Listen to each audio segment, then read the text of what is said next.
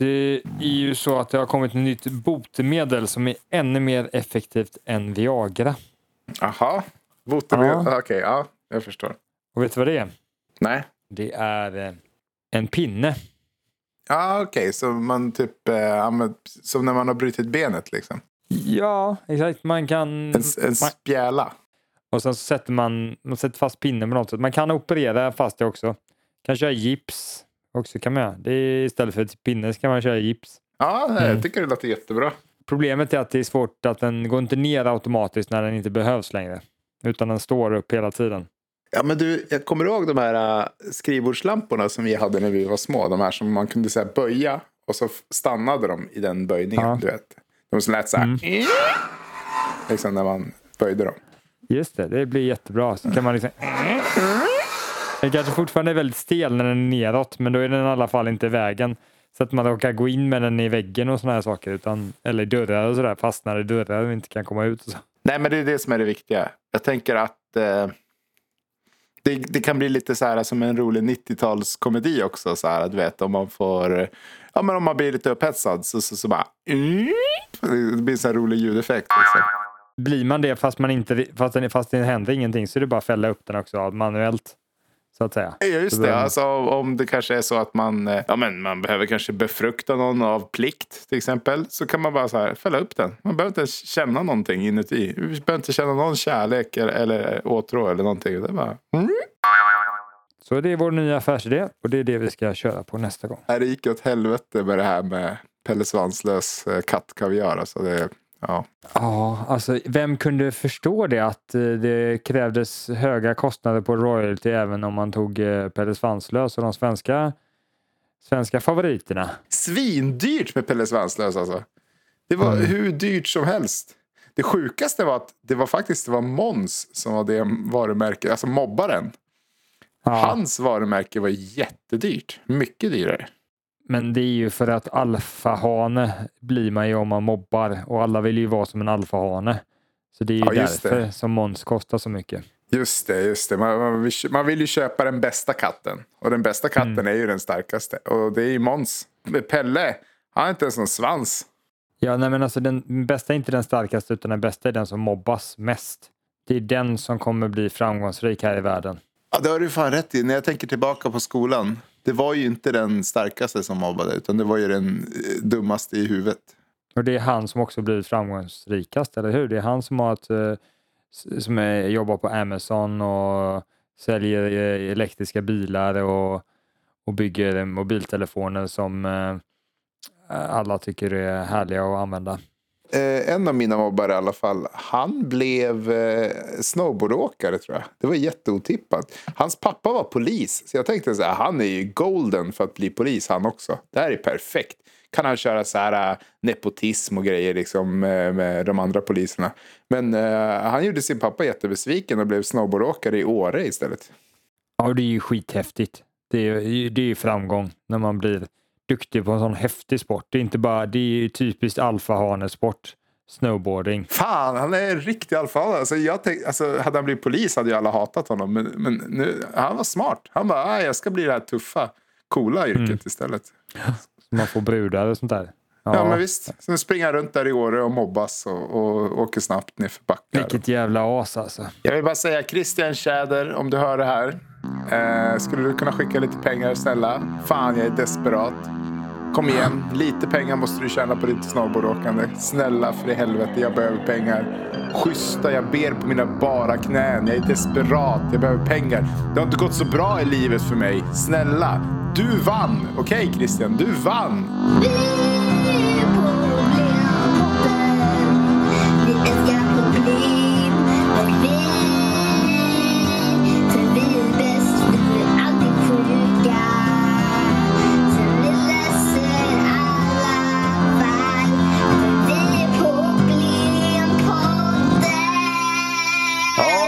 Kära lyssnare, välkommen till Problempodden. Pro- podden där vi pratar mycket om mobbing. Ja, och jag ska ju erkänna att mitt namn är ju Bill Mm. och eh, jag har blivit utsedd, utsatt för mobbing väldigt mycket, särskilt på senare tid. Ja. Det började när jag började spela in en podd som heter Problempodden. Ja. Det var han som jag gjorde podden med som Ja. eh, det började lite successivt, lite småmobbning sådär men Ja. nu för tiden så trycker jag ner mitt ansikte i toaletten och spolar och säger haha ditt äckliga eh, mobboffer. Ja, och Tobias heter jag och jag vill bara säga att det är ju i själva verket den som mobbar som mår sämst. Det är alltså den personen det är synd om och det är den personen som eh, vi alla borde stötta. Jag är väldigt orolig för att det här avsnittet ska bli cancellad. Jag är inte helt säker på, ja, jag är inte helt säker på hur politiskt korrekt det är att prata om mobbing på detta vis som vi pratar.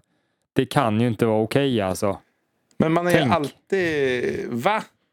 Alltså lyssna här. Jag, har blivit mob- jag blev mobbad när jag var yngre. Så jag får säga så här. Okej?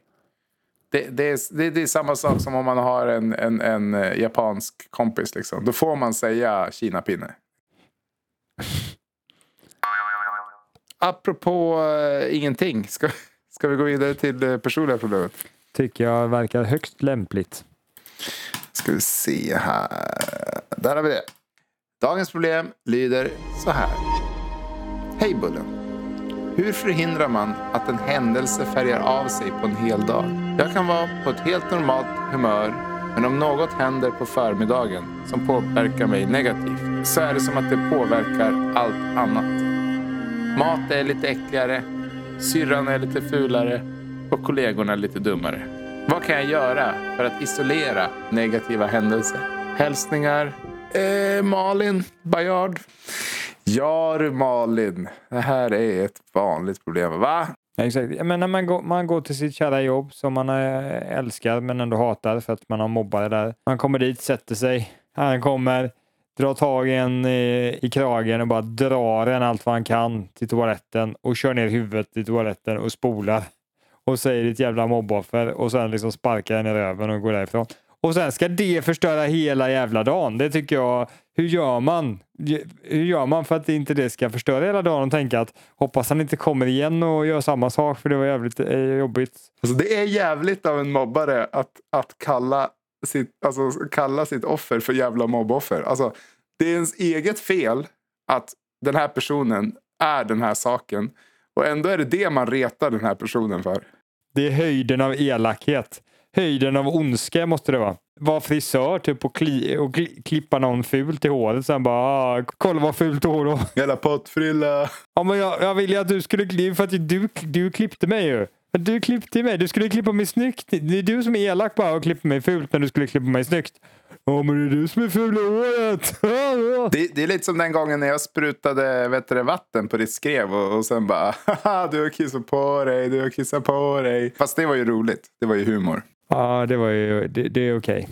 Det är så. Det var ju på din mormors begravning men jag tyckte ändå att den behövde lätta stämningen. Men kiss och bajshumor är alltid okej. Det, kan vi slå, det kan vi slå ett slag för.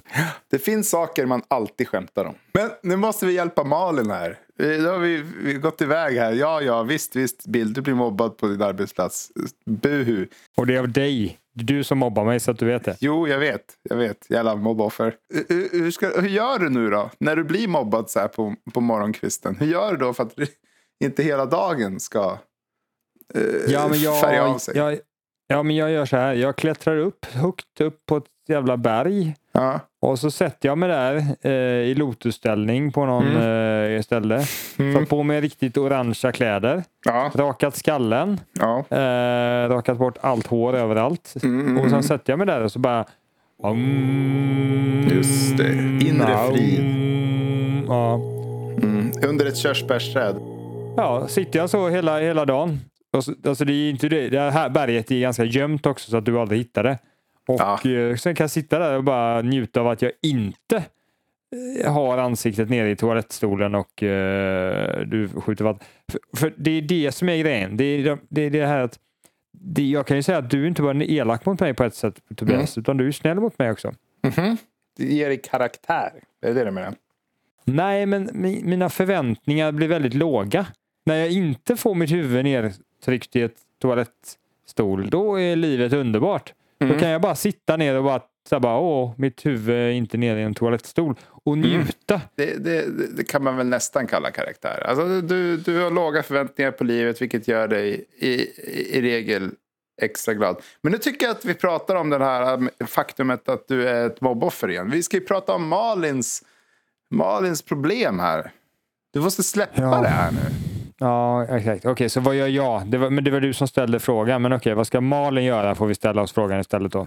Du, du smiter upp på ett berg på Mm. rasten. Men vad ska Malin göra? Ja, vad man skulle vilja göra är ju att isolera den här tanken och liksom låta den bara liksom, här, sätta någon jävla tegelvägg runt den och slippa få den att påverka ens mående i, i andra skeenden under dagens gång. Men jag är tveksam om det finns en metod som kan göra det. Har du någon idé hur man skulle kunna göra så att den liksom kapsuleras den här känslan och inte påverkar andra? Ja, men jag tror vi har varit lite inne i det förut. Att, att eh, man kan ju, det har ju du pratat mycket om, att man kan ju känna på känslan till att börja med. Inte springa ifrån den. Utan verkligen eh, så här, okej hur känns det här? Hur känns det att, det att jag är på det här dåliga humöret? Men, men jag kan tro också att man, att man kan, i, i det här att man känner efter, man kan också kanske identifiera att det är bara en liten bit av en som mår dåligt över det här. Det är bara det lilla huvudet som är så jävla viktigt. Ja, det är inte ens hela huvudet. Det är faktiskt bara en pytteliten bit. Om du tar hela din kropp. Du tar hela din kropp här. Mm. Och så tänker du att du är less för att någon var otrevlig mot dig på bussen. Då kan du känna så här. Är min fot arg över det här? Nej, den är inte arg. Den bryr sig inte. Är min hand arg över det här? Nej, den bryr sig inte. Är min näsa arg över det här?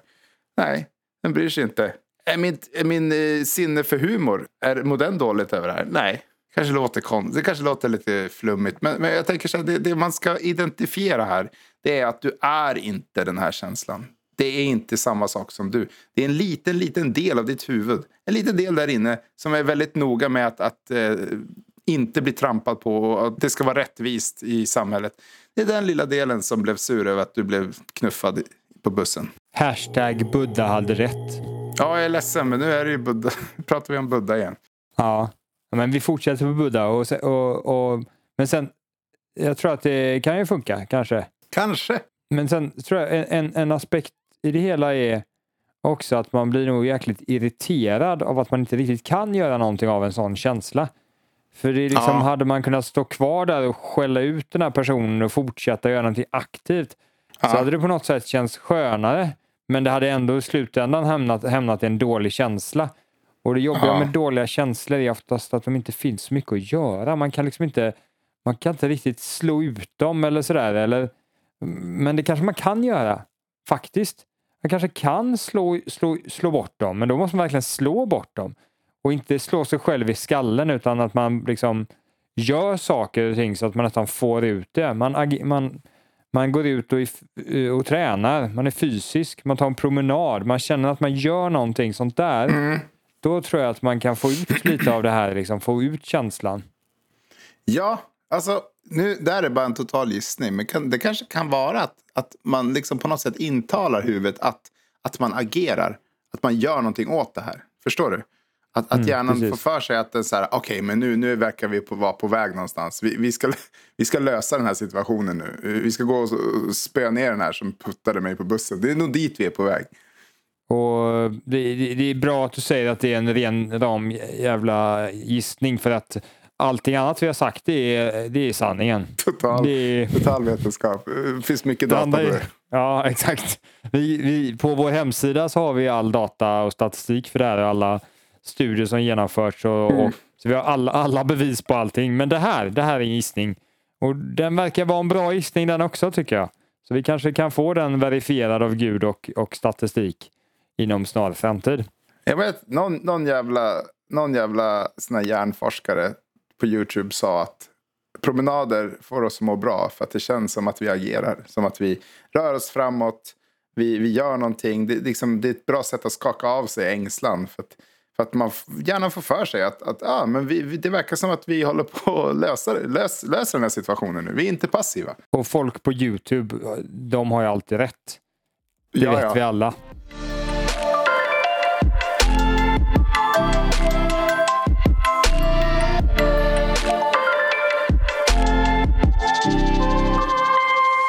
annan metod som funkar jävligt bra också. Det är att vänta i 20 år och sen tänka så här, ah, fan. 20 år, oh, yeah. vad var det jag, hade jag en tanke? Nej, vad var det? Jag minns inte vad jag tänkte och kände för 20 år sedan. Känslan är helt borta efter Mm. 20 år. Så det är, vad du kan göra är att sätta dig och vänta så här i 20 år. Sen så är känslan borta och då är det gött igen. Ja, en sak som jag nästan alltid är säker med, med dåligt humör är ju att det kommer att försvinna. Det kommer ju gå över. Eh, för att jag tror det är därför alla är så besatta av Problempodden och alla andra självhjälpspodcasts. Det är ju för att eh, man vill så gärna göra någonting. Du var lite inne på det innan. Att, att man vill så gärna ha någonting man kan göra, ett trick som att man, man kan lösa sina hjärnproblem med. Men ibland är nog bara lösningen att eh, vänta. Det kommer att gå över. Låt det bara blandas upp med allt annat som händer i livet. Och det knasiga är att, att med vetskapen om att det kommer att gå över så kanske det går över till och med snabbare. Så att det är ett knep Ja. att göra att det går över snabbare. Men du kan inte få det att gå över med en gång utan det går bara över snabbare. Even this shall pass, som eh, Gandalf sa. Problemet är löst. Problemet är löst. Du får bara vänta. Ta en promenad. Eh, och just det, och kom ihåg att det är inte hela du som är den här känslan. Det, det är bara en liten bit av dig som, som känner det här. Men, och man, kan, man kanske kan spola fram det att det går lite snabbare. Det är om man har förmåga att notera. Man kan göra via två saker. Man kan göra mycket saker och där går ju träning och sådana här saker också in. Att man gör olika aktiviteter så att det blir som en längre tid sedan detta hände. Eller så kan man väl bli duktigare på att uppmärksamma saker och ting i sitt liv. Så att man liksom uppmärksammar mer och mer saker. Jaha, det händer, det händer, det händer, det händer. Då går också tiden lite snabbare utan att den verkliga tiden går bort. För det kan ju vara lite tråkigt att få en tråkig känsla och sen bara, "Ah, nu måste jag vänta till jag är 55, sen får jag köra igen. Så man kan ju skynda på tiden lite grann. Men det är nog en viktig poäng att säga att det kommer aldrig gå bort pang sådär liksom, puff. Utan det kommer successivt gå bort. Det är så det är Ja. på med allting. Och kanske inte eller gräva ner sig i annat och försöka distrahera sig för då får du aldrig bearbeta det. Det är någonting, alltså du, du kan aldrig distrahera bort det heller riktigt. Utan det måste på något sätt vara närvarande för att det ska bearbetas bort. Och det gör ju att när man håller på med sociala medier och sånt där och distraherar sig hela tiden så kanske sådana saker tar längre tid för att man inte får lika mycket fokus på att hantera det i sig själv. Så att, eh, ja, lite var med, var med skiten. Var med känslan. Ja, fan ja, verkligen. Det är nog det också att man måste nog kanske ha några... Man måste komma och tänka på det där under dagen och, och tycka att det är jobbigt. Och man kanske kommer att tänka på det dagen efter också lite grann. Och kanske en gång den tredje dagen. Ja. Man kan, kan se det lite som medicinen, ungefär som man äter en äcklig tablett. Att varje gång man tänker på det, det känns jobbigt, så är det lite medicinen för att det ska kännas bättre snart. Just det. Och då kan man se det som något positivt. Ungefär som när man tränar, att det känns att det gör lite ont i musklerna. Men det är bara för att musklerna ska kännas härliga och hårda och fina vid senare tillfälle. Ja, så blir du mobbad av din eh, kollega som du poddar med så föreslår både jag och Bill att du ska tänka alla de här negativa tankarna, eh, de är bra för dig. Ja, exakt. Känn på dem. Så Känn på börjar dem. du hantera dem. Känn på dem Bill. Mm. Ja, jag ska göra det. Tack. Tack för rådet Tobbe. Du, du är en snäll, du är en riktigt bra kompis du. Varsågod.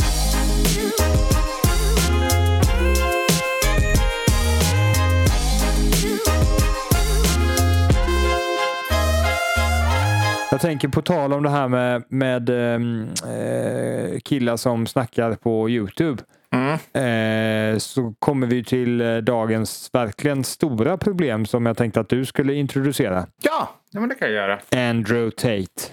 För vi har faktiskt tagit med oss Andrew Tate här och han ska faktiskt presentera problemet för oss istället. Hallå! Det är jag som är Andrew Tate.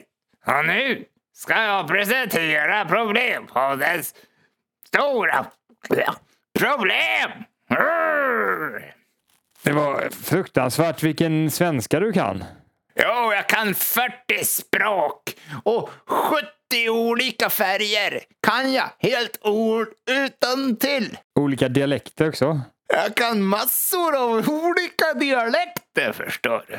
Jag kan dalmål och jag kan göteborgska. Nej, göteborgska kunde du inte. Jag kan perfekt göteborgska. Nej, göteborgska kunde du inte Tate. Kom till saken Tobias, berätta vad dagens problem är. Andrew Tate han, han slank iväg här spricka i väggen. Ja, då ska vi se. Jo, problemet, dagens stora problem är problemet med alfahanar. Och det var ju tydligt. Han bara hoppade in här, den jävla Tate, och skulle liksom alfahana sig. Bara, "Åh, jag pratar massa olika dialekter. Skulle rätt impa på honom så här bara, "Ja, jag pratar svenska. Han var ju väldigt duktig på svenska. Jag visste inte att han kunde det, men Han kunde perfekt göteborgska också. nej, det var lite mindre. Men alltså det är ju det att de här jävla alfahanarna, de ska ju bara, de ska bara tränga sig på och förstöra. Fan, tacka vet jag. mm, Vad är vi då? D-hanar eller K-hanar? Öhanarna. Öhanarna. Ö, och vi, vi är så låg status. Fast du måste, nog vara, du måste nog vara en över mig för att du mobbar mig. Då är du Ja, just det. över. Ä, hane. Och vi är så låg status att vi finns bara i de eh, nordiska länderna och i Turkiet och i Ungern. Finns, tror jag, ö. Och kanske ä. Jag vet inte. Ja, just det. Det är ett smart sätt att se var, var det kan finnas de absolut lägst stående hanarna. Det är att se hur, box, hur många bokstäver de har. Men undrar om inte Kina har eh, väldigt många bokstäver. Så där kan man ha väldigt låg status också. De, de, ja, nej, men de, de har en hel del hierarki i Kina. Så att, eh, jag kan tänka mig att de, de, de gjorde nog några fler bokstäver bara för att kunna, liksom, kunna skaffa lite fler hanar. Ah, ja, hur som helst. Nu vill jag prata om problemet om alfahanar. Och, och då, grejen med det här fenomenet är väl att vi tänker att det här är någonting som förekommer naturligt i naturen. Det är därför det heter naturligt. Och varför är det naturligt? Jo, det kommer från vargarna. Alltså då är det ju så naturligt som det bara, som det bara kan bli. Eh, men jag har läst en bok som heter Alfa-syndromet av en, en hund och vargforskare som heter Anders Hallgren. Och han berättar för mig, han berättar för mig i text att idén om att det ska finnas en rangordning bland djur som hålls, liksom, där man håller efter varandra genom aggression och våld. Det, det kommer ursprungligen från en undersökning som gjordes på 20, 1920-talet. Det kommer från en norsk sociolog som heter Kjellderup Ebbe. Väldigt norskt namn. Eh, och han gjorde en undersökning på hönor i början av 20-talet för hundra år sedan.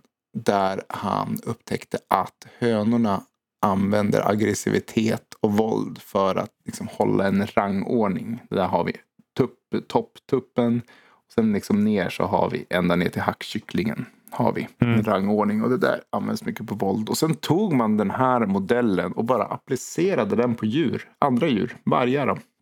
Vargar var ju väldigt tilltalande då för att det är ju liksom väldigt, tänker de är i flock och de är liksom farliga djur och grr, våldsamma och läskiga liksom. Så det fanns liksom ingen data som pekade på det här utan man bara tog det, ja men det stämmer ju för kycklingar, ja men då lär det ju stämma för vargar också. Och sen så har det levt kvar i hundra år, fram till typ 90-talet då fler och fler hade börjat forska på det här och visade sig att vargar lever inte alls på det här sättet och det finns inte alls en alfahane på det sättet som vi tänker. Så du menar på att man inte blir alfahane genom att mobbas och slåss i, i andra situationer? Det finns mer eller mindre dominanta eh, hanar och honor. Den mest dominanta måste ju kallas för alfahane då kan man säga. Problemet är att det är väldigt flytande. Det är inte så enkelt som vi kan vilja få det att verka. Och, och jag tror att anledningen varför vi dras till det här konceptet är för att vi har ju liknande koncept inom det militära och inom företaget. Det finns liksom en väldigt tydlig rangordning och det finns en chef som alltid bestämmer i alla lägen. Medan vargar kan det vara väldigt situationsbaserat. Det kan vara en varg som är dominant inom ett visst område men sen är det en annan varg som är dominant inom ett annat. Sen kan det också vara att den varg som är hungrigast, som har ja, råkat få minst mat ett tag, är den som kämpar mest. Alltså det är ganska logiskt egentligen när man tänker efter att den som vill ha något mest är den som kämpar mest. Och det är den som blir mest dominant i, i situationen. Att det liksom handlar mer om motivation. Och oftast när man ser till aggression, då verkar det mer som att det här är både bland hundar och vargar. Att den, den svaga, osäkra individen är den som snabbast går till en konfrontation. Medan starka individer är väldigt lugna och eh, sansade. Utan hellre då eh, liksom drar sig undan och bara, "Ah, ja, nej det är lugnt, okej. Så att, att, att, eh, att backa från striden är oftast ett tecken på, är oftast någonting som de starkare gör snarare än eh, de svaga och osäkra. Finns det så att det är någon som har störst dominans hela tiden under en längre period eller är det hela tiden flytande?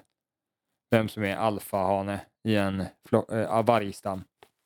Oftast, eh, om man skulle se till, alltså, finns, alltså oftast finns det en, ett vargpar som är de mer eh, initiativtagande. Och eh, de som oftast ger sig först in i jakten, de som oftast eh, börjar röra sig så att flocken börjar röra sig. Om man nu ska se, alltså om man ska försöka hitta någonting man skulle kunna kalla för en alfahane. För ska vi lösa problemet med alfahane får vi ju fan med definiera den här alfahanen. Om det inte Ja. finns någon i vargarna, men då kan vi gå över till människorna och ta, ta, ta och lösa det där problemet med de här människoalfahanarna. Okej, om vi tar då The Andrew Tates of the world. Är det de vi menar? Ja, de som har makten, en alfahane är väl ledaren oftast, eller? Det är väl det som är, betyder att man är alfahane egentligen. Det är att man är den som leder flocken, den som säger vart man ska gå eller inte gå och så vidare. Det är den andra följer. Andra följer efter den här personen. Okej, så det är inte en aggressiv mobbare? Ja, kanske om han har massa mobb mobbkompisar som följer honom och han är ledare i den här mobbgruppen så är han ju en ledare. Men det är ju det att precis som med vargflocken så finns det ju ännu mer än vargflocken så beror det på kontexten. Du kan ju ha ledare som är ledare en, på en plats men inte på en annan. Men i, i syvende och sist så finns det ju vissa som aldrig är ledare och de är ju definitivt inte alfahanar. Utan de alfahanarna är de här som eh, eh, styr makten, som styr världen. Stefan Löfven, typ, han är en alfahane. Ja, är det så vi ska definiera dem? För jag vet att bland vargar så händer det ibland att flocken väljer att inte, väl, att inte följa eh, alfaparet, eller det mest dominanta paret. Bara för att de är initiativtagare betyder inte att folk betyder inte att vargarna bedömer deras beslut som bra. De är bara, det är bara de, de är bara först på bollen. Och delvis kanske vargar är smartare än människor. Ja, Människor följer nästan alltid.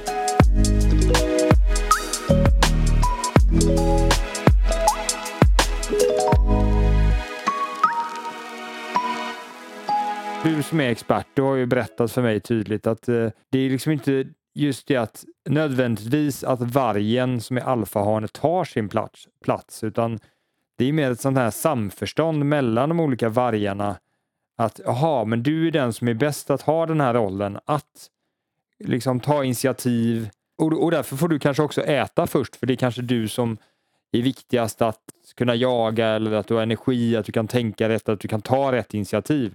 Så det är inte så att alfahanen tvingar sig på de andra och säger nu ska ni underkasta er mig, utan det är liksom så här, ja men du, du passar den här rollen och sen så kanske man har någon annan som är en sån här science-kille där bland eh, vargarna och kommer på nya, ja, alla har sina roller. Och det är kanske det här som är kärnan i, eh, i myten om, eh, om alfavargar. Att eh, en dominant och stark eh, varg skulle liksom behöva ta sin roll.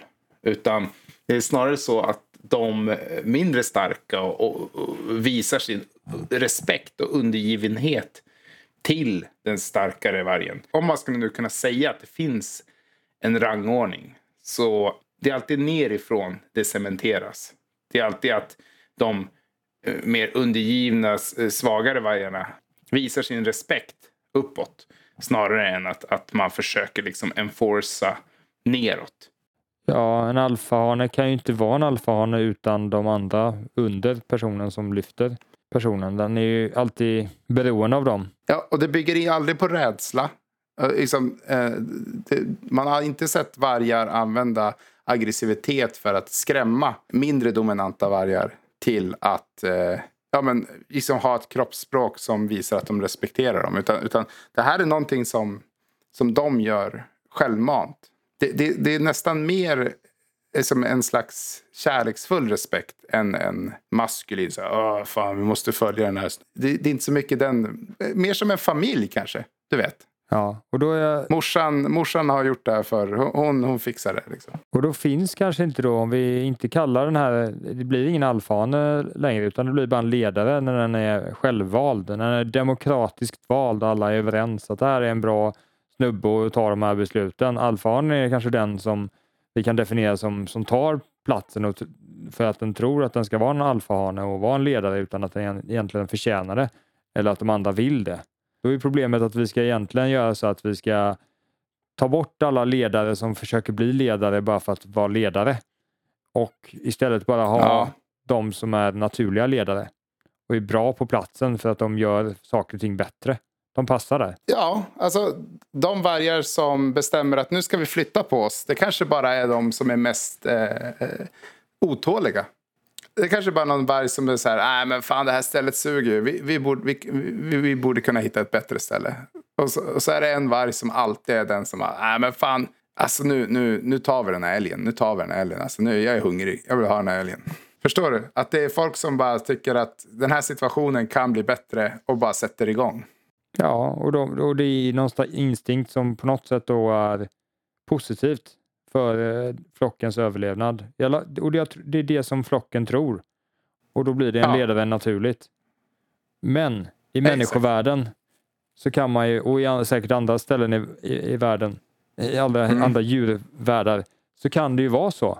Som kycklingarna, de små asen. Att det är aggression, Mm. något dåligt som gör att där, där fungerar det så att man kan liksom, där forcerar man sig till att bli alfahanen i, i, hos kycklinggängen eh, liksom. Och i människovärlden så är vi ju varken kycklingar eller vargar. Så vi Mm. ha, kan ju använda olika metoder. Vi kan använda vargmetoden och vi kan använda kycklingmetoden. Men vargmetoden kanske är bättre för eh, varg, jag vet inte, vargar går inte så himla bra för heller. Kycklingarna har det jäkligt illa också. Ja, det är ju ingen man vill vara riktigt. Nej, inte när det är vi människor som ska jaga dem i alla fall. Men, men Anders Hallgren, ha- han eh, citerar några undersökningar där de kollade på så här, skolor och arbetsplatser. Så lät, de, så lät de alla rangordna alla andra. Förstår du? Mm. Så man, man rangordnade folk efter hur, vik, ja, men hur viktig man tyckte den, de andra människorna var. 1, 2, 3, 4, 5, 6, 7. Mm. Och det som visade sig var ju inte att eh, mobbaren tyvärr var ju inte den som Ah, folk satte en etta Synd på. om dig Tobbe, stackar. Ja, det var ju tråkigt. Nej, fan. Mm. Så, så, ja, det, var, så, det var ett hårt slag mot Jag lider med dig. Jag lider med dig. Jag säger ju att det är mest synd om mobbaren. Mm. Och det tydligen så, det, var- ja, du kanske, det här kanske inte kommer som en chock för dig. Men, men det var ju den som var mest social, som var mest socialt omtyckt. Och den som var bäst på det som var viktigt inom den gruppen. Precis, som i vargflocken, den som är bäst på att ta rätt initiativ för att hjälpa flock, flockens överlevnad. Ja, ja, men också att, att eh, kanske den som är bäst på att eh, skydiva i ett fallskärmsgäng. Precis, och inom olika konstellationer i människovärlden så får vi luras vi och tro att det viktigaste att vara bra på det här och det viktigaste att vara bra på det. I schackklubben är det viktigaste att vara duktig på schack. Och därför blir det en alfahane som är bäst på det. Och i, i eh, eh, syklubben så är det den tanten som syr bäst tröjor. Det är alfahanen där lite grann. Jag tror dock inte det är inte bara den enda aspekten, men det är flera aspekter som spelar in. Det är for- fortfarande de andra äh, sakerna som att vara social och så vidare. Men man, men man, man, man får lite alfahanepoäng i alla fall genom att vara bättre Mm. på, eller inte alfahanepoäng ska vi inte kalla det, kanske att man får högre status bara av att vara lite mer social. Det behöver ju inte alltid vara... Alltså som individ behöver det inte alltid vara det bästa att vara på topp heller. För att till exempel inom vargflockar. Det är ju alltid den, den vargen som initierar jakten och som tar mest initiativ i jakten som också riskerar att eh, skadas mest. Ja, och det är ju, det är ju även eh, i verkliga livet då att eh, vd för stora företag ska ha megastora fallskärmar. Det är ju rimligt för att de, de kan ju faktiskt eh, bli stämda på några miljoner som deras företag får betala och sen så kanske de blir liksom så här, folk blir arga på dem och sådär. Men ja, De blir lite sura. ja, folk kan bli arga på dem och så, att de har gjort dumt.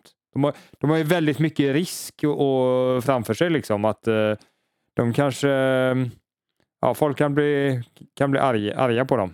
Och det är inte kul. Ja, Mm. nej men det är klart. de- De förtjänar 500 gånger mer i lön Ja. eh, en vanlig arbetare. För så är det vargstammen och så ska det vara här också. Ja, men precis. Hos vargarna så får ju eh, ledarvargen 500 gånger mer kött efter en jakt. Ja, eller byggare som klättrar upp i höga höghus och faller ner lite då och då. Ja. Ja, för att det är inte så farligt att dö, men det är farligt om folk inte tycker om dig. Ja, farligt om du måste liksom avgå och sen få ett annat vd-jobb.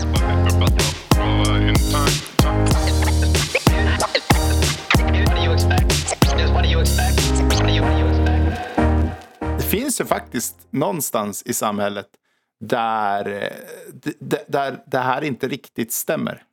Det här med att den som är bäst på det viktigaste är den som har högst status. Bland människor så har ju det här gått sönder lite grann. För till exempel en, en art director, har, alltså en duktig art director är kanske inte lika viktig som en, en, en väldigt duktig brandman.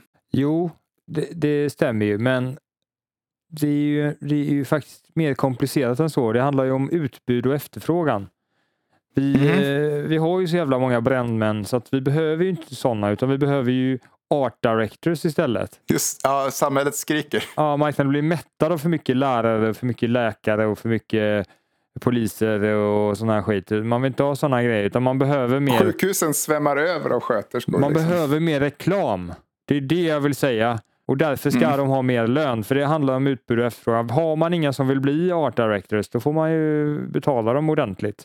Jag insåg precis vad som antagligen har hänt och det är ingen stor överraskning egentligen. Det är ju att art directors genererar mer pengar än vad en sjuksköterska gör. Du är ju inne på rätt spår. Vi tjänar inte pengar på det som gynnar oss, mänskligheten, som mest, utan vi kanske tjänar pengar på det som gynnar en viss flock bäst. Men om vi ser hela mänskligheten som en helhet, inte bara mänskligheten, kanske hela, hela planeten som en helhet och är en del av allt och ber till Buddha, då, då kommer vi ju också se till att man belönas mest av att göra det som är bäst för mänskligheten eller för, för, för världen. Och det är ju inte så idag och därför är det skit. Därför går världen åt helvete.